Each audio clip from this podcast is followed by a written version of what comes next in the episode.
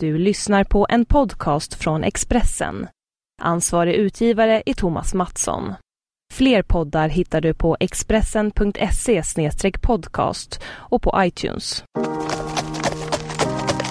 Bilar tappar hästkrafter. Tappa inte dina. Nu finns ett nytt premiumdrivmedel på Statoil. Miles Plus. Miles Plus renar motorn och ger din bil mer kraft och acceleration. Läs mer på Statoil.se. Tanka Miles Plus på din närmaste Statoil-station. Välkommen! Hej hej och välkomna till Allt om bilars podcast. Jag står i vår poddstudio på Expressens redaktion tillsammans med David Jakobsson och jag heter Jan-Erik Berggren. Vi har en gäst, eller två gäster. Eh, vi har en som heter Sverker Andersson och kommer från leaseonline.se. Ja tack. Välkommen hit. Du har en kollega med dig också som heter Mattias Dahlqvist från samma företag. Och med den titeln på sajten så kanske ni kan eh, räkna ut att vi ska prata mycket om leasing och privatleasing.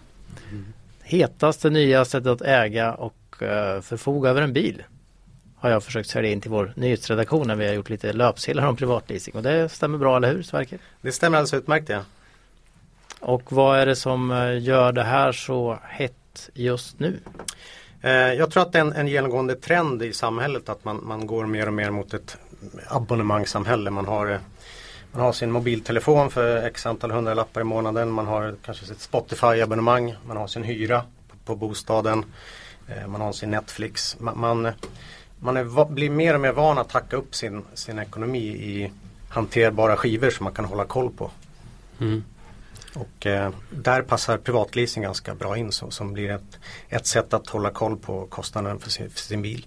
Det blir inga överraskningar med, med plötsliga eh, prisras på en ny bil som man har köpt och så inser man att oj nu förlorar jag 200 000 på två år. Precis, det är väl lite en ökad trygghet och eh, eh, ofta bakar man in service och försäkring och sådana här saker i leasingavtalen som gör att det är enkelt att hålla koll på ekonomin.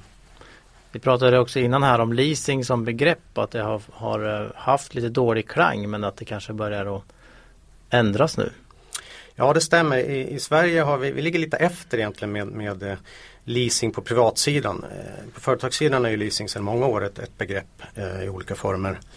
Men eh, klangen leasing på, på privatbilar är, har nog haft eh, problem att slå igenom även om det är stort i andra länder i Europa och världen. Eh, jag vet inte riktigt var det kommer ifrån men det kan ha att göra med, med dåliga leasingerbjudanden och eh, eh, sånt som ligger långt bak i tiden som sitter kvar i folks medvetanden. Mm. Men, men eh, du tänker på att man betal, du nämnde ett exempel för att man betalar sin tv fyra gånger ungefär när man eh, Ja, jag tror att i leasingens barndom så, så, så var det en hel del eh, sådana erbjudanden. Just det här med tonhyr-tv som jag drog upp som ett exempel där, där man kanske så småningom upptäckte att man, man hade ett dåligt avtal eh, som gjorde att man fick betala sin tv kanske flera gånger om. Mm. Eh, nu har ju leasingen gått mot en mer sund utveckling där man använder det som ett sätt att finansiera snarare än ett sätt att lura människor. Men eh, är det dyrare att leasa en bil än att köpa en bil? Nej, egentligen är det inte det. Eh, och det är ganska enkelt. Eh, ju, leasingen består av samma komponenter som vilken finansiering som helst. Eh, så att ur den aspekten är det ingen större skillnad. Man kan tänka sig att någonstans vill, vill ju ni också tjäna pengar på, på detta. Var, var, var kommer, kommer, den delen av kakan ifrån? Så ja det är klart, vi, vi, även om vi vill göra det här för, för att skapa en bra konsumenttjänst så, så eh, försöker vi naturligtvis eh, få lite intäkter på det. Men eh, vi har ju också små kostnader. Så mm. Vi är inte ett stort bilbolag med, med, eh, med utställningshallar och eh, massa personal så att vi kan göra det här relativt billigt. Mm. Om man då tittar på er eh, sida där, leasonline.se, så har ni ett antal bilmärken och man går in och söker och man eh, klickar i sina, sina ja, önskemål om körsträcka. Har lite grann lite, det är ganska enkelt att navigera sig fram där. Men vi saknar några märken. Är det, kommer det fler, fler märken på gång in? Ja det gör det absolut. Vi startade ju egentligen i somras och eh, kom igång under hösten här. Så att vi har helt enkelt inte varit ute och mött eh, bilhandeln. Vi har tagit dem de som jag haft bra kontakt med innan och börjat där då.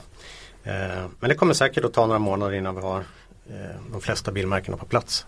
Mm. Och det är fortfarande så att det är bilhandlaren eller importören som har affären? Ja, det är riktigt. Och kunden?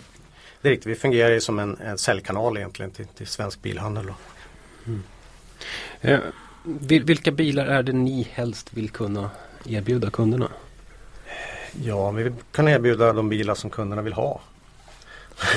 Skulle jag säga. Det är efterfrågan som styr då. Men eh, att ha en bredd i, i det vi erbjuder är naturligtvis viktigt. Och eh, kunna jämföra kostnader för en mängd olika bilmodeller med samma innehåll. Det är egentligen vår hemlighet då. Mm. Eftersom marknaden består av ett antal olika utspel och man förpackar sin leasing på olika sätt så är det som konsument väldigt svårt att veta vad man får och hur man ska jämföra. Mm. det är det vi försöker bringa lite ordning i. Då.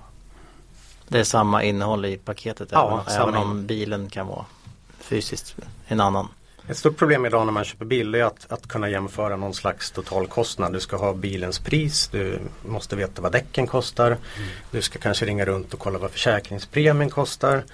Eh, och vill du dessutom veta vad service kostar i tre år, ja, då får du lägga ner ganska mycket arbete för att ta reda på det. Eh, och ska du dessutom göra det för fyra, fem olika bilmodeller, då tar det några mm. dagar att ta reda på allt det här. Och sen har man ju andrahandsvärde som man inte har någon aning om när man köper precis. en bil egentligen. Mm. Ja, när, ni, när man tittar, tror ni att det är så att folk väljer andra bilar när man privatleasar jämfört med om man ska köpa? Är det, ja. det, är det kundens behov som, som styr? Ja, det är det väl. Uh, nu är det så att små och uh, mellanstora bilar är väl det som säljs mest som privatleasingbil. Uh, för att man kanske tycker att det är dyrt att se prislappen inklusive allt. Om man tar en större bil som kostar lite mer i kapitalinsats då. Mm. men sen är det så att privatmarknaden generellt sett består av något mindre bilar. De stora bilarna går ju i högre utsträckning på, på företagsmarknaden då, som tjänstebilar och liknande.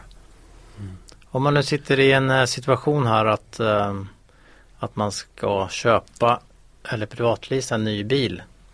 Vad, då, säger, då tycker du att det här är ingen, det är ingen större prisskillnad? Nej. Och det man vinner då på att lisa är att man får en annan trygghet i kostnaden? Eller? Ja absolut. Med, med privatleasing får man en bil utan kontantinsats. Man kan ha sin, sina kapital på, på, kvar på banken investerat. Eh, du får en fast månadskostnad, du får kontroll på ekonomin. Eh, ja, om du dessutom väljer en online-lösning då och kunna jämföra och titta på så har du en ganska bra grepp över marknaden. Om man då är en kund som uh, är i en situation där, där man kan kanske ha en tjänstebil. Skulle det finnas något läge där privatleasing är att föredra framför att eh, gå med på erbjudandet från sin, sitt företag då att ha tjänstebil? Eh, man får nästan räkna på det från fall till fall. Ja. Det, det skiljer ju oftast inte jättemycket pengar. Men det är klart man lockas av tjänstebilar för att det är, du slipper ju eh, överhuvudtaget ta någon, någon risk som privatperson. Då. Eh, och företaget står för alla eh, kostnader och försäkringsskador och vad det nu må vara. Då. Men jag tror att fler och fler företag tittar på att, att göra sig av med sina bilpark för att även företagen tar en stor risk. Eh, när, när, folk slutar och så vidare står man med bilar.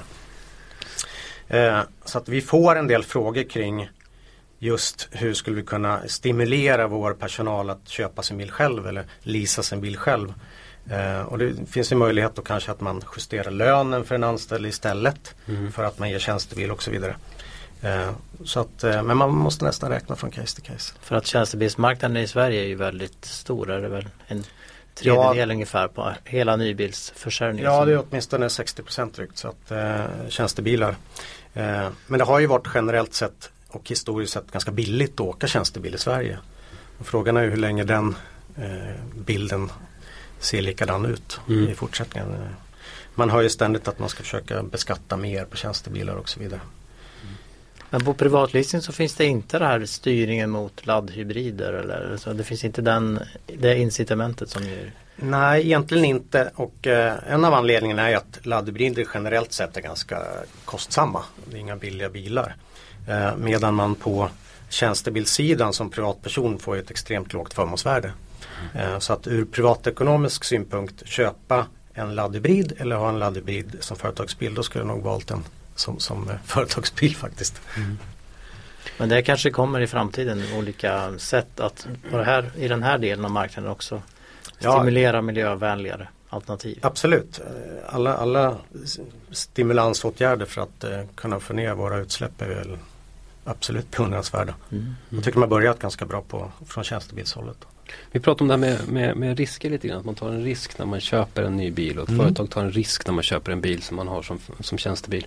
Men eh, vad händer om jag som privatperson privatleasar till exempel en Ford eller en Mitsubishi och sen ja. så har jag ett kontrakt på tre år. Ja. Sen så händer någon stor förändring i mitt liv efter ett år.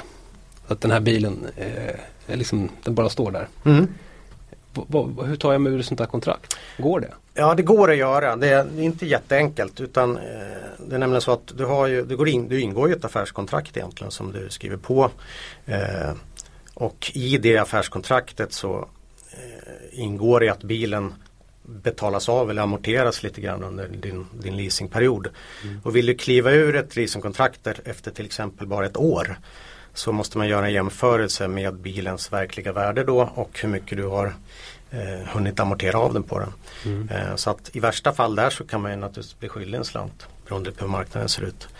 Men eh, det är ingen jättestor skillnad mot om du skulle ha köpt din bil. För då du, ska du ha en bil på avbetalning till exempel så tar det ett tag innan man amorterar ner mm. den bilen också. Då. Mm. Ja, vad, ni ser också ett öka, ökat intresse då förstås för tjänsten privatleasing. Vi, vi ser det när vi skriver artiklar om det. Ja absolut, det har ju Men... gått eh, ganska snabbt. Eh, från 2012 så var det runt 3 och idag i år ska man väl sluta på närmare 17 privatleasing ut, utav privataffärerna då. Så att var femte privatbil idag som säljs är ju en bil som rullar på privatleasing och det har gått extremt snabbt. Mm. Vilket bilmärke är störst när det gäller privatleasing? Idag så är det faktiskt Volkswagen de som är störst på privatleasing där man eh, eh ligger på en 23 drygt procent utav marknaden. Eh, mm. Jämfört med att man har kanske en generell marknadsandel på 15 procent. Så de har varit jätteduktiga med att jobba med privatleasing. Mm. Och det är små modeller? Främst små modeller, eh, Volkswagen Golf, Polo. Eh, men av andra märken så har du också de mindre modellerna, Renault Clio, eh, ja, Toyota Yaris för att nämna några. Mm. Mm. Men mycket små och eh, mellanstora bilar. Är det också vanligare i storstäderna? Ja, det är vanligare i storstäderna. Vi har väl en, den största länet för privatleasing är faktiskt eh, eh, Västra Götalands län, större än Stockholm trots att det säljs generellt sett fler bilar i Stockholm. Men där har man en, en hög penetration. Det börjar vakna till lite i de andra länen men, men man har störst störst index på privatleasing i storstäderna eh, fortfarande. Mm. Är det här, eh, kommer det att bli så att det är lite från mun till mun att man upptäcker att grannen gör så här då kan jag också göra så eller är det den trenden man ser att det växer på det sättet? Ja, vi, vi, vi, märker att det finns en kunskapstörst hos, hos konsumenterna kring privatleasing och är det så att man pratar med någon som har privatleasing och kan berätta hur det är så tror jag att det är ganska lätt att man att man eh, vågar köpa en bil på privatleasing mm. istället. Mm. Alltså om vi, om vi ska vara väldigt praktiska. Om jag nu ska skaffa en ny bil, mm. vilket jag faktiskt funderar på att göra. eh, typ, typ du ska ju vänta på Mercedes E-klass Ja men vi får se, jag kanske hinner ändra emellan. Ja, men om, vi ska, om, vi, om jag nu ska skaffa en, en ny bil och bestämmer mig för privatleasing. Yep. Hur gör jag rent praktiskt? Jag vet, ska jag gå och köpa en bil så går jag till bilhandlaren och sen så får jag ett pris och sen så betalar jag. Men hur gör jag här? Eh, I de flesta fall så går man fortfarande till bilhandeln och eh, gör hela jobbet där. Eh, pratar med en bilhandlare, eh, tittar på bilar och så vidare. Och sen ordnar de privatleasingupplägget då. Mm. Eh, vad vi försöker göra det är att, att Polis Online skapar ett alternativ till att åka runt och eh, besöka en massa ställen och, eh, för att skaffa sig en bild av vad man kan få och vad det kostar och eh, man ska istället kunna göra en, en eh, stor del eller hela delen av affären hemma i soffan. Mm. Men det gör väl de flesta nu redan?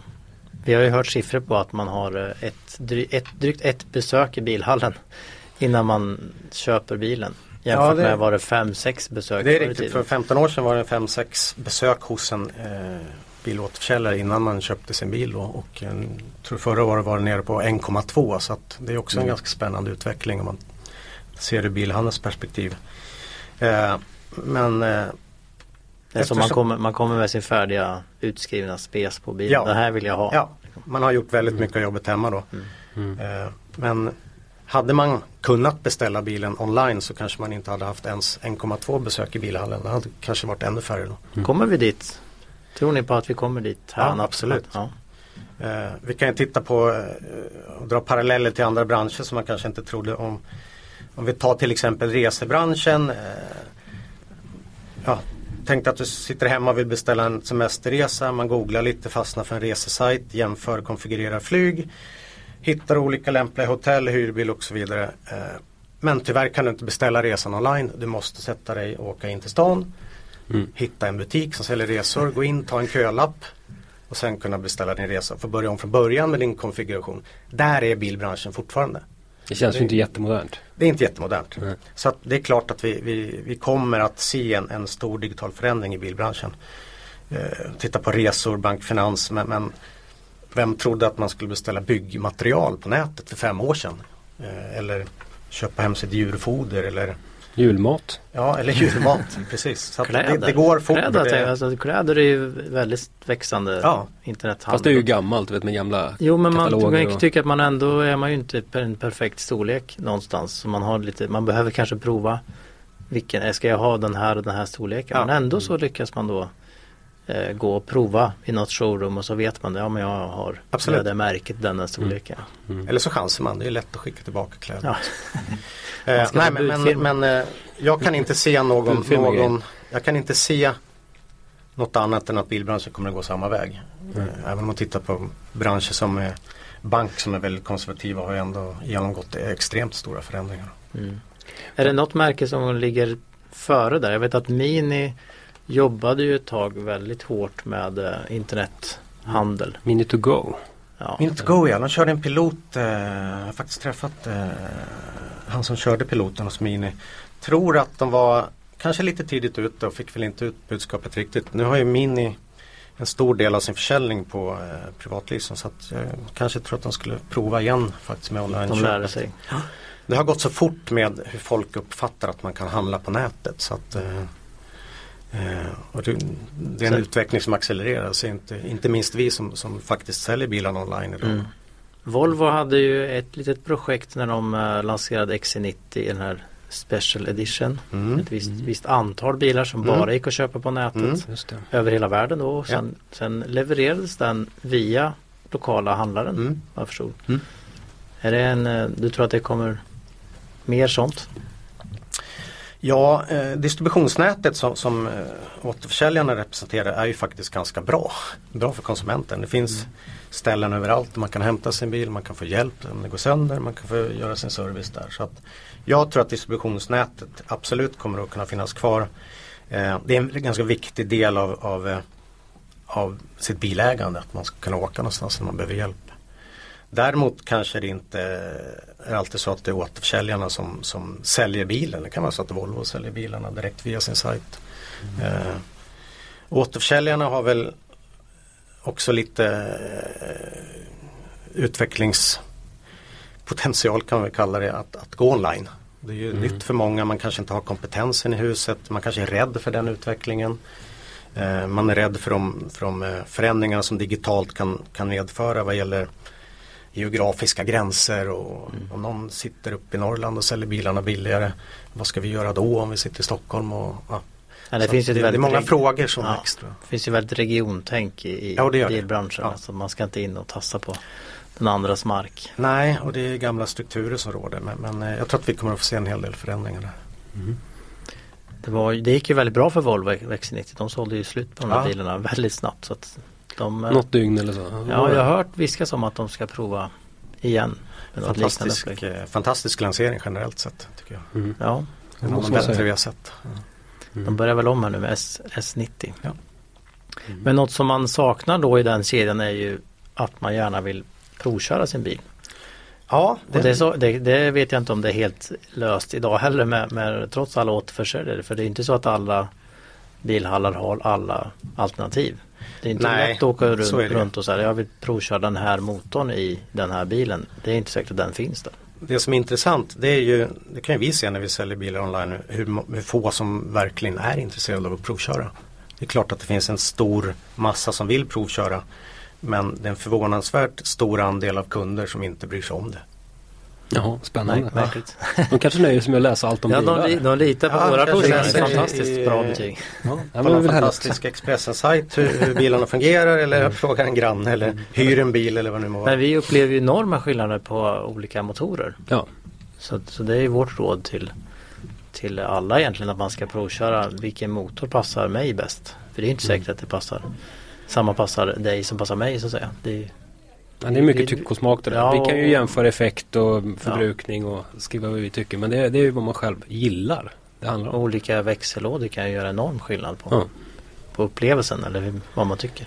Mm. Men hur vet man Nu det? är ni motorjournalister så att det, det är klart att ni har extrema eh, kunskaper och, och duktiga på att jämföra men, men gemene kund kanske inte vare sig bryr sig om eller tänker särskilt mycket på om den här motorn har 115 eller 130 hästkrafter. Är det, Det tror, löser bara en tror, du, tror, att det, eh, tror att det är eh, mer svårt för privatleasingkunder än för kunder som köper sina bilar? Ja, det tror jag. Vad, vad handlar det om? Är, Jag tror att man som eh, privatleasingkund kanske mer vill ha en produkt som löser ditt vardagliga bekymmer eller ditt transportbehov med så lite bekymmer som möjligt. mm. Eh, och gärna där, där flera komponenter ingår så att du slipper tänka på försäkring och service och, och allt det här. Du, du vet att det kostar dina 2000 eller 3000 per månad och så får du allting inräknat. Eh, den tar mig till jobbet fram och tillbaka med en rimlig bränsleförbrukning. Det, det är jag nöjd med. Mm. Och eh, de som köper bilar i högre utsträckning då kanske gillar själva ägandet där och Ja, är mer bilintresserade så. Intresserade av själva bilen. Ja, så tror jag att det är. Mm. Eh, vi har ju liksom generellt sett i Sverige tror jag haft en, en, en tradition av att äga sin bil. Den ska gärna stå där och vara nyputsad på garageuppfarten. Men Mm. det vi ser nu det är att, man min, att, att bilen som statussymbol minskar. Det är inte lika viktigt längre med bil. Eh, utan det, det är, kan vara lika häftigt att ha en liten tuff rosa bil som att ha en, en stor vräkig eh, lyxbil. Det, är helt andra värden och helt andra. Det kanske, är mer Värderingen. det kanske har blivit mer status att ha en leasingbil då. Som, att, att det är någon slags statusgrej att visa att man inte bryr sig så mycket om det här. Att man har den här lilla, lilla bilen istället. Visa att man inte äger. Visa att man inte äger. Att man, man, så man, det man, vara. satsar är, på annat. Att man är modern. Ja. Cyklar till jobbet. ja. Men har, ser ni någon åldersspann? Är, är de yngre eller äldre? Eh, Vi kommer tillbaka till det. Privatleasingkunderna är något yngre faktiskt. Ja. Men, men man är inte jätteung utan eh, merparten av privatleasingkunderna ligger mellan 30 och 50. Mm. Men ni, Eh. de som köper är ofta över 50. över 45 så i alla Den generella privatkunden där pikar man faktiskt, eller den största gruppen enskilt är, är 65 till 70 år faktiskt. Ja. Eh, och Du har några år på dig David om du köper din nya. ja, men det är väl för den tiden det tar att spara ihop till den också. Alltså privat eh, är något yngre och en, ganska spännande målgrupp tror jag för bilmärkena att få in. Det kan ju vara så att man, eh, om man, om man ser då, om man läser in alla trenderna så skulle det kunna vara att man, om man är ung i storstad så börjar man med någon slags bilpool eller car to go lösning och sen flyttar man till någon lägenhet lite längre ut och då börjar man privatleasa. Så när man går i pension då köper man sin bil. Vi tror väl också att ganska många av privatleasingkunderna är sådana som kanske redan har en bil i hushållet. En, möjligtvis en tjänstebil då. Där man är van vid det bekymmerslösa bilägandet. Man kanske behöver en andra bil. Eh, men man har inte tid, ork eller lust att, att hålla på med en gammal bil eh, och laga den. Så att då tycker man privatleasing är ett sätt att ta bil på som liknar sin tjänstebilsinnehav på något sätt. Mm. Du kanske jobbade på Toyota när de kom med sin hyrvariant eller? Prenumeration. Prenumerationer. Det är slags... Toyota Aygo, det här var väl 2006 tror jag. Ja. Eh, där kunde man ju faktiskt inte köpa bilen från Man början. kunde prenumerera. kunde bara prenumerera och eh, vilket säger är en privatleasing då. Mm. Mm. Men Toyota har ju historiskt varit väldigt duktiga på, på, på den typen av förpackad privatleasing. Det var en oerhört märklig tv-reklam kommer jag ihåg. Det kom in en tidning genom ett brevinkast i en lägenhet som vecklade upp sig och blev en Aigo som stod i hallen där inne. Ja, ja det stämmer. Jag tänkte, Ja, vad ska, vad ska jag ha en, Aigo i hallen för? Vi hade ju en kollega då som gjorde, gjorde ett sånt avtal faktiskt till Mm. sina eh, tonårs, sin nästa tonårskille eller sin nästa Just son. Med motiveringen då att, att det var säkrare att då prenumerera istället för att lägga motsvarande pengar på en gammal bil som man var tvungen att underhålla. Så inte startade på morgonen och, och var inte så trafiksäker och hade inte alls samma krockskydd och allt som, som en modern bil hade. Så Ja, vi har hon, hon hade räknat eh, att det var ungefär samma pengar. Ja, det stämmer. Vi har gjort ganska många sådana kalkyler. Mm. Tittat på eh, försäkringspremier i storstäder till exempel. är ganska kostsamt om man har en, en begagnad bil. Särskilt om man har en, en bil eh, av någon prestigekaraktär så, så kan det kosta en 20-30 tusen om året bara att ha en bil försäkrad. Mm. Så att det är inte alltid billigt att ha en begagnad bil. Nej. Ja, vad bra. Spännande. Det dyker säkert upp fler frågor och vi får eh, önska er då lycka till med sajten. Tack snälla eh, och eh, välkomna in och beställ bil. Ja. Online.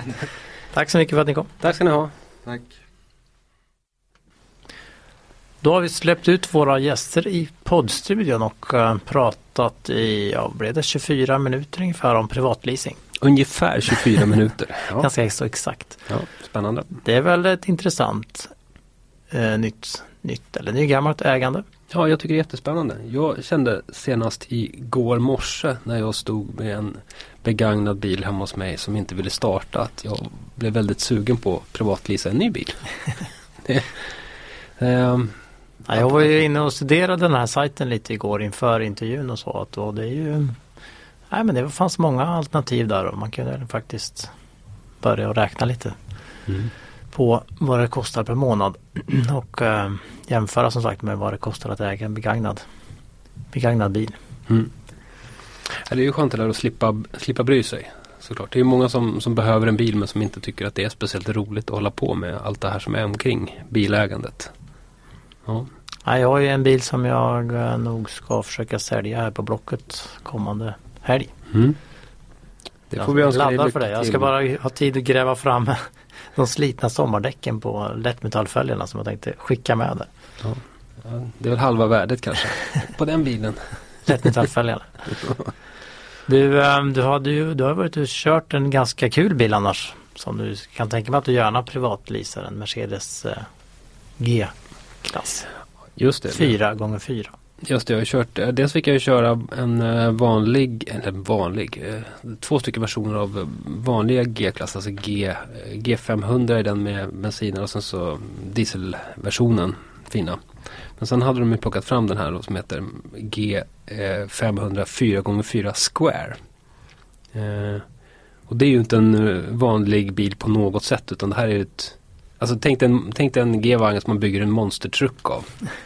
Alltså en jättehög bil med jättestora hjul och jättestor motor och fantastiska terrängegenskaper. Helt grym. Ser man på bilderna på bilen så där är det en bil du kan åka till eh, Syrien och slåss mot IS med. Liksom. Alltså det, det är kul med de här bilarna för att G-Wagen är liksom grundtanken att vi ska bygga en bil som klarar allt. Alltså blir det krig så ska bilen klara det. Blir det jordbävning så ska man kunna ändå fly i sin G-Wagen. Och blir det en zombie-apokalyps så, så hoppar man in i sin G-Wagen och ändå klarar livhanken. Um, och sen är den här bilen då ytterligare ett steg till den här 4x4 Square. Så det är ju skitkul. Vi var ute och på riktig terrängbana med den här bilen. Alltså de pratade, jag pratade med två tyska G-Wagen-snubbar som var där och visade de här bilarna och sa att Alltså 95% av G-Wagen de kommer ju aldrig någonsin utanför asfaltsvägarna. De skitar inte ner en fälg på de här dyra bilarna liksom folk. Men ehm, och den här eh, 4x4 Square den kostar ju nästan 2,2 miljoner kronor. Så jag kan tänka mig att, att folk är lite extra rädda om just de där bilarna. Även om de nu då har de här fantastiska terrängegenskaperna. Men vi fick ju faktiskt slaska runt med de där ordentligt och verkligen prova vad de, vad de går för. Och det var fantastiskt vilka terrängbilar. Helt grymt. Vuxna män, dyra bilar och en stor sandlåda. Ja, vad, vad behöver man mer? det, det räcker så. Det, nej, det var ju fantastiskt kul. Vi ska köra den här bilen på asfalt nu också. Ja, vi har ju kört, det var ett tag sedan jag körde G-klass men då kommer jag ihåg att det var inte mycket till komfort och inte mycket till, till bil. Det fanns knappt vindrutetorkare på den men den var jättedyr och hade ja, även den bra terrängegenskaper. Och så. Det har ju hänt rätt mycket i G-klass. Den har ju eh, liksom blivit en lyxbil som, som prislappen skvallrar om så att säga. Alltså nu finns ju allting i bilarna och det, man sitter skönt och alla, alla funktioner finns där. Sen är ju väg, vägegenskaperna naturligtvis rätt dåliga. För bilen är ju jättehög, den är jättetung, jättehög markfrigång och sådär. Så att det är klart att det, det är lite vingligt ute på vägen. Men det är tufft. Ja, nu har det kommit snö här. Jag vet att vi, det jag tror är inte riktigt dubbdäck på den testbilen som vi ska ta över här. Nej, det spelar ingen roll. Nej. Den kommer fram, den kör över alla bilar. Ja, ja, För man inte kan bromsa så kör den över. Ja, inga problem. Nej. Och kommer man inte igenom så finns det ju tre stycken diffar man kan låsa i, i bilen. Så det är bara att trycka på de där tre knapparna så kommer du fram. Så kommer jag fram ändå. Det blir bra. Ja, har kört lite annan Merca också. Om vi ska fortsätta prata Merca. ja, vi kan prata mycket Merca för att du har ju kört en, eh, ja, vad ska, är det facelift på A-klass? Facelift på A-klass, precis. Eh, ska jag vara helt ärlig så tog det en stund eh, för mig att förstå vad, vad de hade ändrat på den här bilen. För det, det, de har ju liksom inte gjort om speciellt jättemycket när det gäller utseende på bilen. Utan det, det är någon liten förändring i fronten och strålkastarna ser lite annorlunda ut på den och sådär. Den Eh, vanliga faceliften. Ja, men kanske att jag tycker att den har blivit lite snyggare. Den ser lite, lite mer aggressiv ut. Eh, lite mer AMG-aktig, kan man säga så? Det är ju stor förändring mot gamla A-klass. Eh, Alltså gamla gamla. ja, ja, gammal, gamla ja. Ja. Ja, jo men. Det är ett annan bil. Ja men det är en helt ny. Hela Mercedes tycker jag ändrades lite grann när den här generationen av A-klass kom för, vad är det, tre år sedan? Tre, fyra år sedan. Det var egentligen början på ett, Det en helt ny. Ja det kändes som en, som en start på ett, på ett nytt Mercedes på något sätt. Och sen så kom C-klassen i samma anda. Och, ja det, det, hände mycket där. Men det är en jättefin bil. Eh, det måste man säga. Eh, det Lite, jag- du hade lite trångt för knäna vet jag när jag åkte med dig igår. Ja men alltså jag hade haft baksätespassagerare och var tvungen att vara lite eh, artig. för en gångs skull. Eh, och det jag tyckte väl kanske att det var lite trångt i baksätet där. På bilen. Eh, kanske inte den jag skulle välja om jag vet att jag kommer att ha mycket folk i baksätet. Men eh, tycker jättemycket om att köra bilen. Så att, ja. Privatlease en A-klass kanske. Ja, och sen har du ju torrkört en eh, Mercedes på din dator. Du fastnade här förra veckan för filmen om eh, nya E-klass. Ja just det. Inredningen. Så Just Du hade svårt att slita dig från den här fina filmen på den fina instrumentbrädan med den stora bildskärmen. Ja, jo det, var väldigt svårt. Alltså, det, du vet ju lika väl som jag att i, i vårt jobb så får man sådana här perioder då man fastnar lite grann för ett bilmärke. Alltså, jag vet att jag hade en lång BMW-period och sen har jag haft en Audi-period och jag har haft en Volvo-period och jag har haft många olika perioder. Nu är jag lite inne i en Mercedes-period känner jag. Då jag gillar Merca. Ehm, men den var ju väldigt eh, spektakulär. Ja men de visar ju upp inredningen på den kommande generationen av E-klass. Alltså den kommer ju visas upp eh, så vitt jag förstår i Detroit, på bilsalongen i Detroit i januari. Eh, och visade de inredningen som har lånat jättemycket från S-klass. Som vi båda har kört och som jag i alla fall eh, lite förälskad i. Jag tycker att det är en av världens absolut bästa bilar. Och det är en av de riktigt l- en fantastisk inredning i S-klassen. Men de har lånat de här jättestora skärmarna och mycket av designen från S-klass. Som de kommer att stoppa i nya E-klass. Så det flyttar ner en, en, en nivå i, i, i eh, lyxhierarkin. De pr- pratade mycket om det här om automatisk körning och Mm. de har ju kommit ganska långt Mm. på det här spåret också. Mm. Just man kunde byta fil med det. Ja, när det var säkert att byta fil och sånt. Ja just det. Just det. De har kommit långt. De har ju massa bilar som rullar runt i USA tydligen. Och självkörande bilar som Mm. har fått dispens att testa i trafik.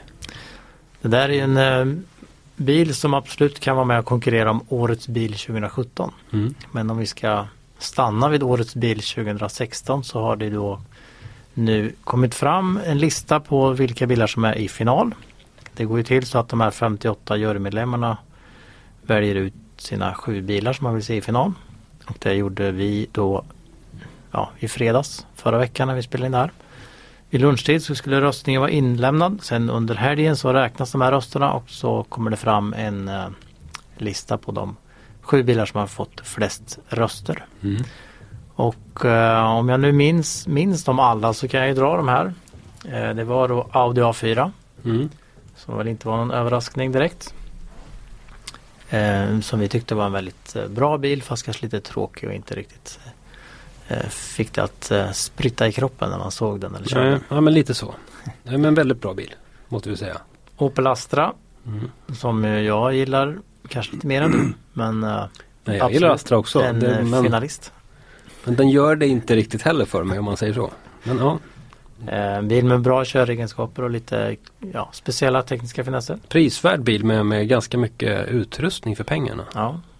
Och prisvärde är just ett kriterium faktiskt när man pratar om Mm. årets bil.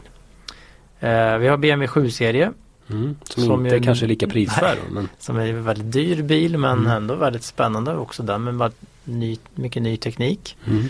Eh, och det är ju ett kriterium att den ska vara innovativ. Visa upp nya saker. Eh, också en väldigt solid och bra bil på väldigt många olika sätt. Det är svårt att hitta någon, någonting som den är dålig på. Mm. Förutom prislapparna kanske. Eh, vi hade också Jaguar XE Mm. som väl eh, jag faktiskt röstade på men som jag ändå blev förvånad att den kom till final. Mm. Jag tror att den kom dit på sina fina vägegenskaper. Ett riktigt bra chassi. Så att många charmas av designen också. Tror du inte det? Det är en väldigt vacker bil. Ja, Det är lätt att tycka om den bilen. ja. Den är ju rätt stor också. Så. Det fanns ju inte så jättemånga små bilar med i ja, startfältet ska jag säga. Men eh, ja, jag blev ändå glatt överraskad att den kom med. Mm. Eh, vi har ju då vår Volvo XC90 Mm.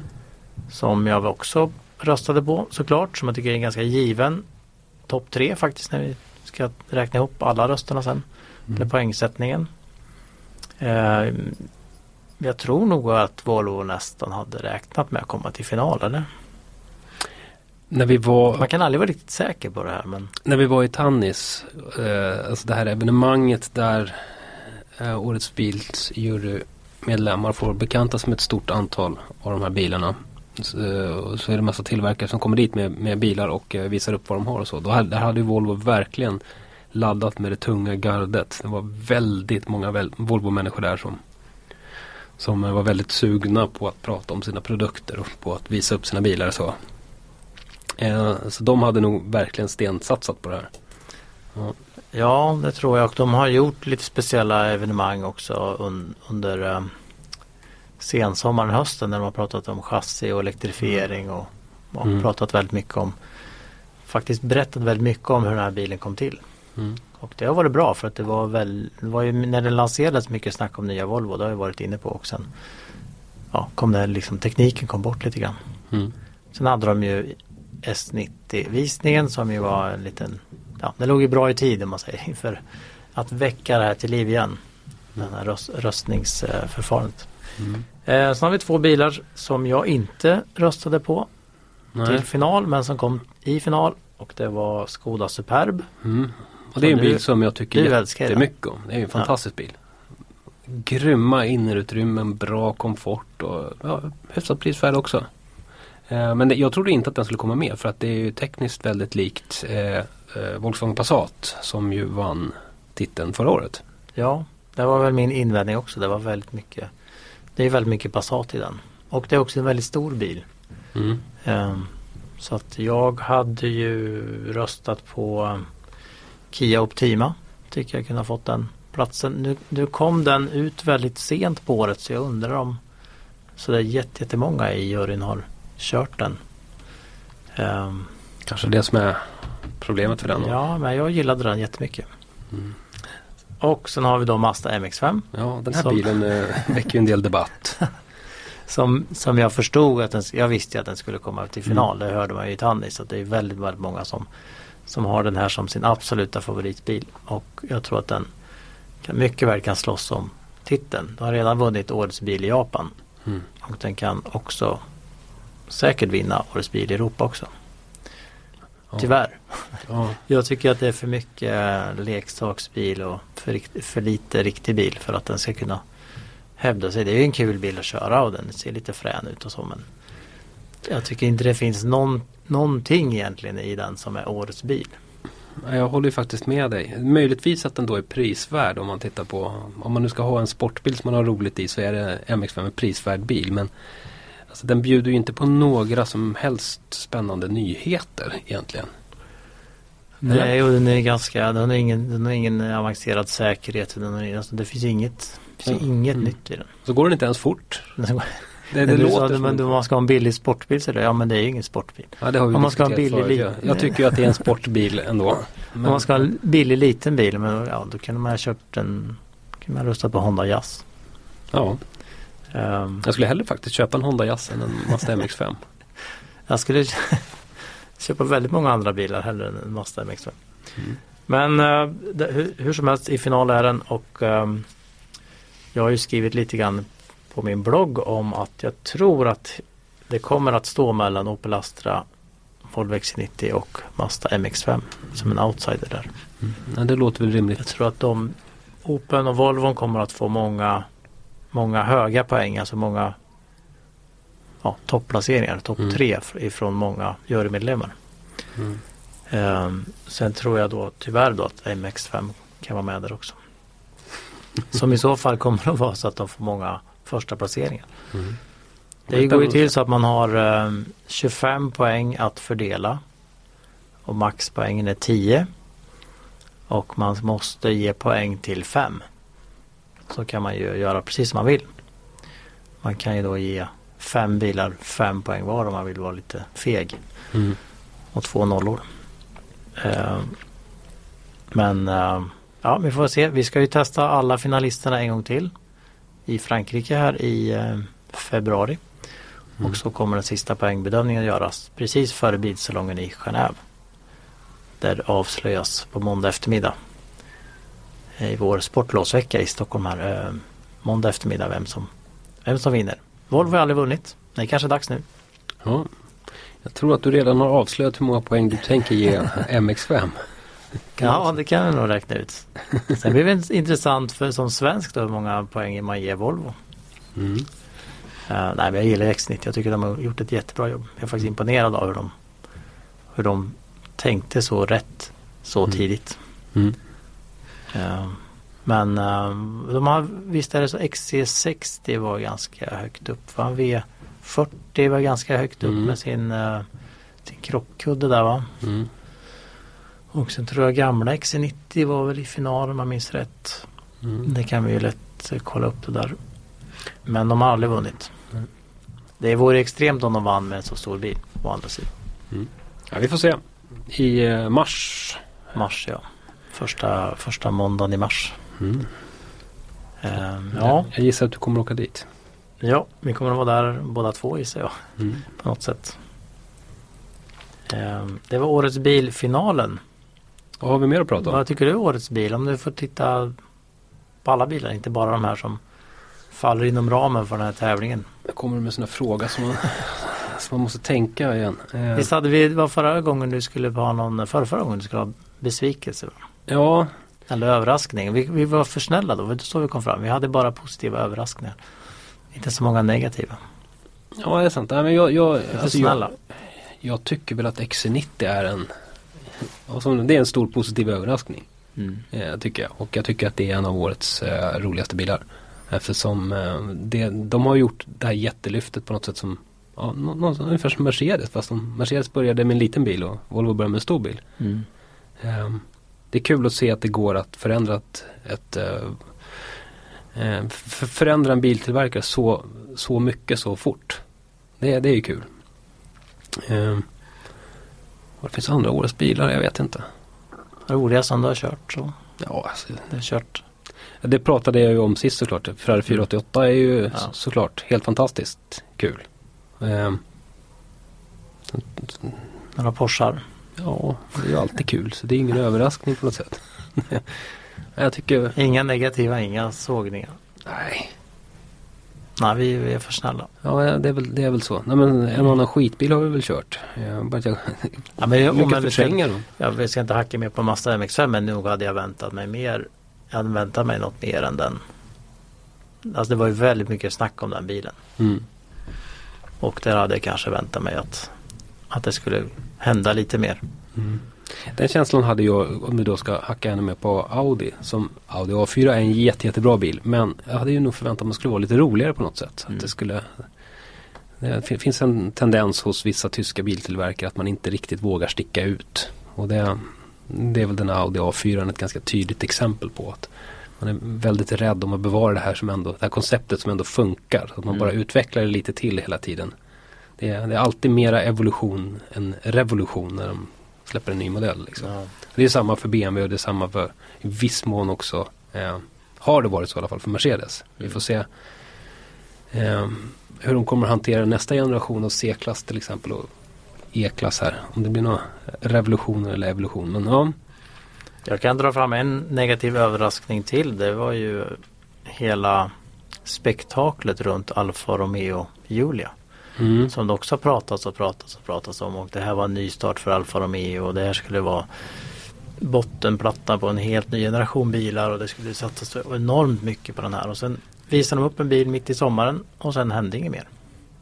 nej. De, de liksom bestämde sig för att den här ska vi inte eh, liksom börja sälja riktigt och den här kommer bara som en prestige och premiumvariant först och så kommer det inga vanliga bilar för ja, nu under 2016. Men det är ju fortfarande, det finns ju inte, finns inte någon bil. Finns ingen, vi har inte kört någon bil än. Och, Mm. nej. Det har gått sex månader. Alltså, vad, vad, jämför med när Volvo lanserade XC90 där de också hade en lång lansering, ett års tid. Mm. Men där, man, där det hela tiden hände saker. Där kunde vi ju varenda skruv på den här bilen innan vi och ens hade bara, sett den. nu, det kanske är så att det finns de i Italien som kan det här, men, Mm. Men här uppe hit har det inte kommit någon information alls. Det är bara, nej. De visade upp en showcar och sen händer inget mer. Jag kom på en bil eh, som jag är lite besviken på. Det är Bentley Bentayga. Eh, de visade ju en koncept SUV för, är det två eller tre år sedan på Tre Genève. år sedan, det var länge sedan faktiskt. Ja. Vi var där tillsammans minns jag. Ja. Och jag fick syn på den där och jag började skratta. Jag tyckte den var så fantastiskt ful den här bilen. Och nu har de liksom jo- jobbat ytterligare tre år då på, på den här bilen för att få, få den att bli snygg. För de fick ju ta tillbaka hela bilen till ritbordet. De insåg att vi kan inte ha folk som står och garvar åt den liksom. De ritade om bilen och så kommer det ut en stor klump som, som kostar skitmycket pengar. Den går visserligen jättefort men den är jättedyr och den ser, äh, jag tycker fortfarande den ser anskrämlig ut. Hur ett sånt företag som Bentley kan släppa en så ful bil. Det Ser fortfarande väldigt klumpig ut framförallt ja. Du, vi hade ju något som vi inte har pratat om inom podden, Stora bildagen. Mm. Eh, som Dagens Industri, vår systertidning får vi säga då kanske. Mm. arrangerar med en hel del intressanta föreläsare och eh, något som lockade våra läsare var ju lite bilder på nya nya som vi skrev, Saab-bilar. Mm. Eller nya modeller från Nevs. Mm. Eh, Nevs var där och berättade om allt som händer och eh, enligt dem ska det hända väldigt mycket. De ska börja bygga som de sa tomma, tomma bilar eh, här inom kort eller under, under 2016. Skicka dem till Kina och så börja säljas där. Bara elbilar. De har nu helt lagt undan alla planer på diesel eller bensindrivna bilar. Så fortfarande bara elbilar. Så visade de då skisser på ett antal nya modeller som Mm. ska komma. Och eh, börja säljas i Kina och så småningom även i Europa. Du nämnde något att någon hade skvallrat någonting om att det kanske, kanske skulle stå Saab på någon av bilarna. Nej, de fick ju frågan där eh, om Alltså de har ju en gång fått nej att använda Saab Mm. som märke. Nevs då. Men nu enligt, enligt det här vi fick höra då så pågick det fortfarande eh, ja, snack med försvars Saab så att säga om tillstånd att få använda Saab-märket. Och så det var väl inte helt eh, nej. Men jag vet inte om man kan lita på det. Hur viktigt skulle det vara för, för Nevs, tror du, att få använda det? Ja men Saab har ju fortfarande ett, ett eh, starkt, det är väl fortfarande ett starkt varumärke så det Det skulle väl vara viktigt. Så vet jag inte hur viktigt det är i Kina kanske men Men eh, Vi fick ju också höra att i Kina finns det ju jättemånga om det var 100 Jag kommer inte ihåg exakt siffran nu men om det var så här 167 olika bilmärken med alla Mm. inhemska bilmärken. Så där är det ju väldigt viktigt att ha någonting som, som är annorlunda. Mm. Utan vad ska de hitta? Ja, då får de ha Nevs men alltså det, då drunknar man ju i mängden Mm. kinesiska bilmärken. Och det, vad är det som säger att det behöver Kina ytterligare ett bilmärke? Mm. Så då, där kan det nog vara viktigt med Saab även om Saab inte har ju inte ha- varit ett stort bilmärke i Kina. Det är inte som Volkswagen eller BMW liksom. Mm. Men bara att man har, man har en annan twist på sitt märke kan nog vara ett sätt. För där handlar det mycket om att sticka ut. Jag tror de, jag hörde att de hade 90 produktlanseringar bara i år. 90 nya bilar. Liksom. Mm. Jobbigt att vara motorjournalist i Kina. Ja, det är en enorm marknad och de har ju fortfarande så här en av tio äger en bil och så. Mm. Så det finns ju mycket, mycket och många bilköpare. Jag fick också höra att eh, planen är att man ska dubbla snittlönen för varje kines. Eh, inom kort här och då, då har de ju också råd att köpa bilar.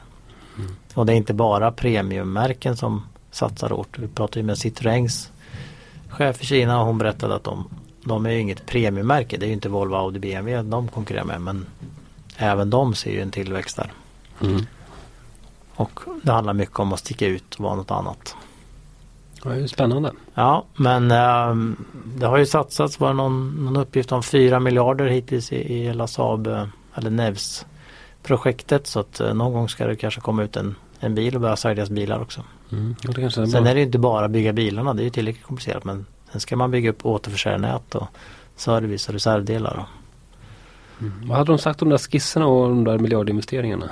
Nej men jag twittrade ut bilden på de här skisserna och det var väl fyra, fyra, fem nya bilar och det kom ett direkt ett svar. Ja men titta noga för de har kostat fyra miljarder de där skisserna. Ja, roligt. Men det var man vet ju aldrig. Det har pratats förut också om att det är två år kvar till, tills det drar igång och nu var det igen två år kvar tills det drar igång. Så att Mm. Vi kanske inte helt ska räkna ut Nevs trots allt. De ska tydligen anställa 50-tal personer varje månad nu Jaha. för att bygga de här eh, bilarna som ska skickas till Kina. Och anledningen till att det var blivit lite stopp eller ett hack här i planerna det var väl att en, en av de här finansiärerna, en kinesisk stad, drog sig ur. Höll inte vad de lovade och då fick man börja om igen. Mm. Och jag tror också att eh, den här satsningen på elbilar eh, ligger bättre i tid nu än för två år sedan. Det händer ju väldigt mycket på hybrid eller laddhybrider och elbilar. Eh, så att det kanske ligger bet- bättre nu än det gjorde för två år sedan bara. Mm. Vi får se när vi ska provköra en ny Nevs eller Saab igen. Ja, Vi var ju på gång. Vi var bokade att få köra Saab 95 kombi just det. Vad var i det som hände då? De var ju sponsor till eh, tennisen där. Och precis då så drog de tillbaka alltihopa och eh, så det var ju bö- början på slutet.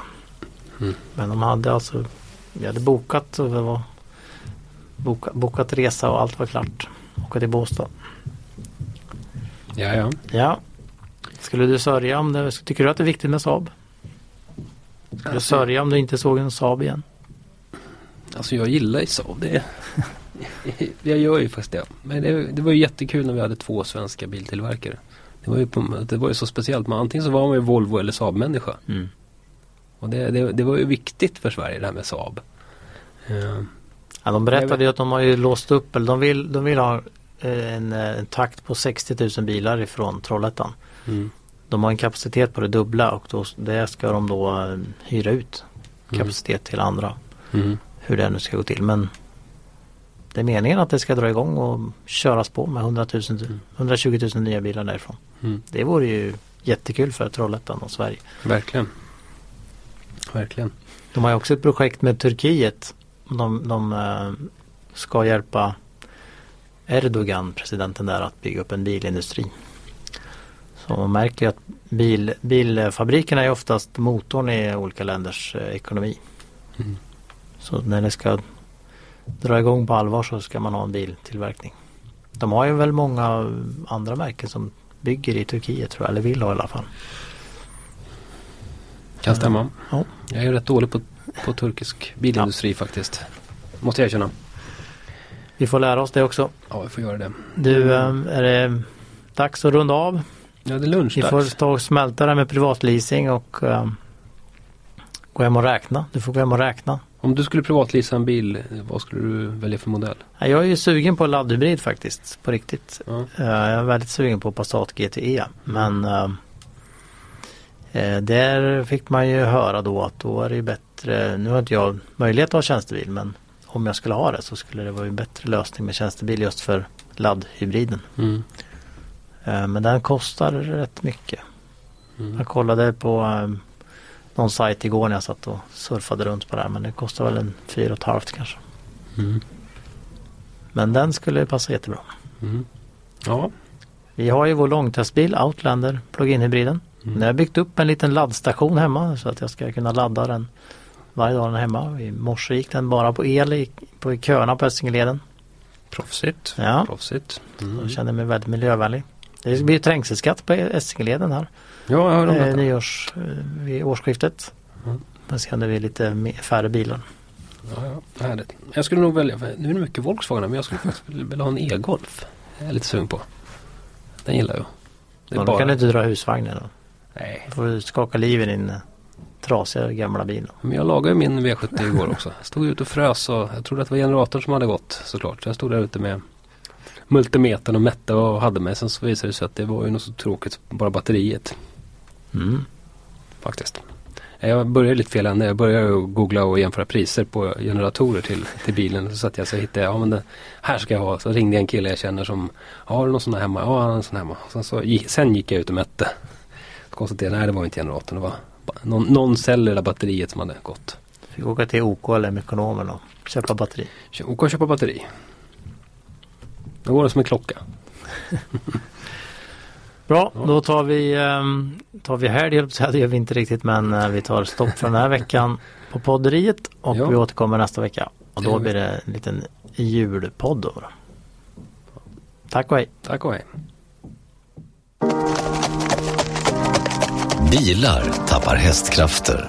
Tappa inte dina. Nu finns ett nytt premiumdrivmedel på Statoil. Miles Plus. Miles Plus renar motorn och ger din bil mer kraft och acceleration. Läs mer på Statoil.se. Tanka Miles Plus på din närmaste Statoil-station. Välkommen! Du har lyssnat på en podcast från Expressen. Ansvarig utgivare är Thomas Mattsson.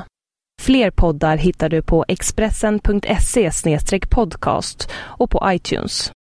Med Hedvigs hemförsäkring är du skyddad från golv till tak oavsett om det gäller större skador eller mindre olyckor. Digital försäkring med personlig service, smidig hjälp och alltid utan bindningstid. Skaffa Hedvig så hjälper vi dig att säga upp din gamla försäkring. Hedvig hemförsäkring, ett klick bort.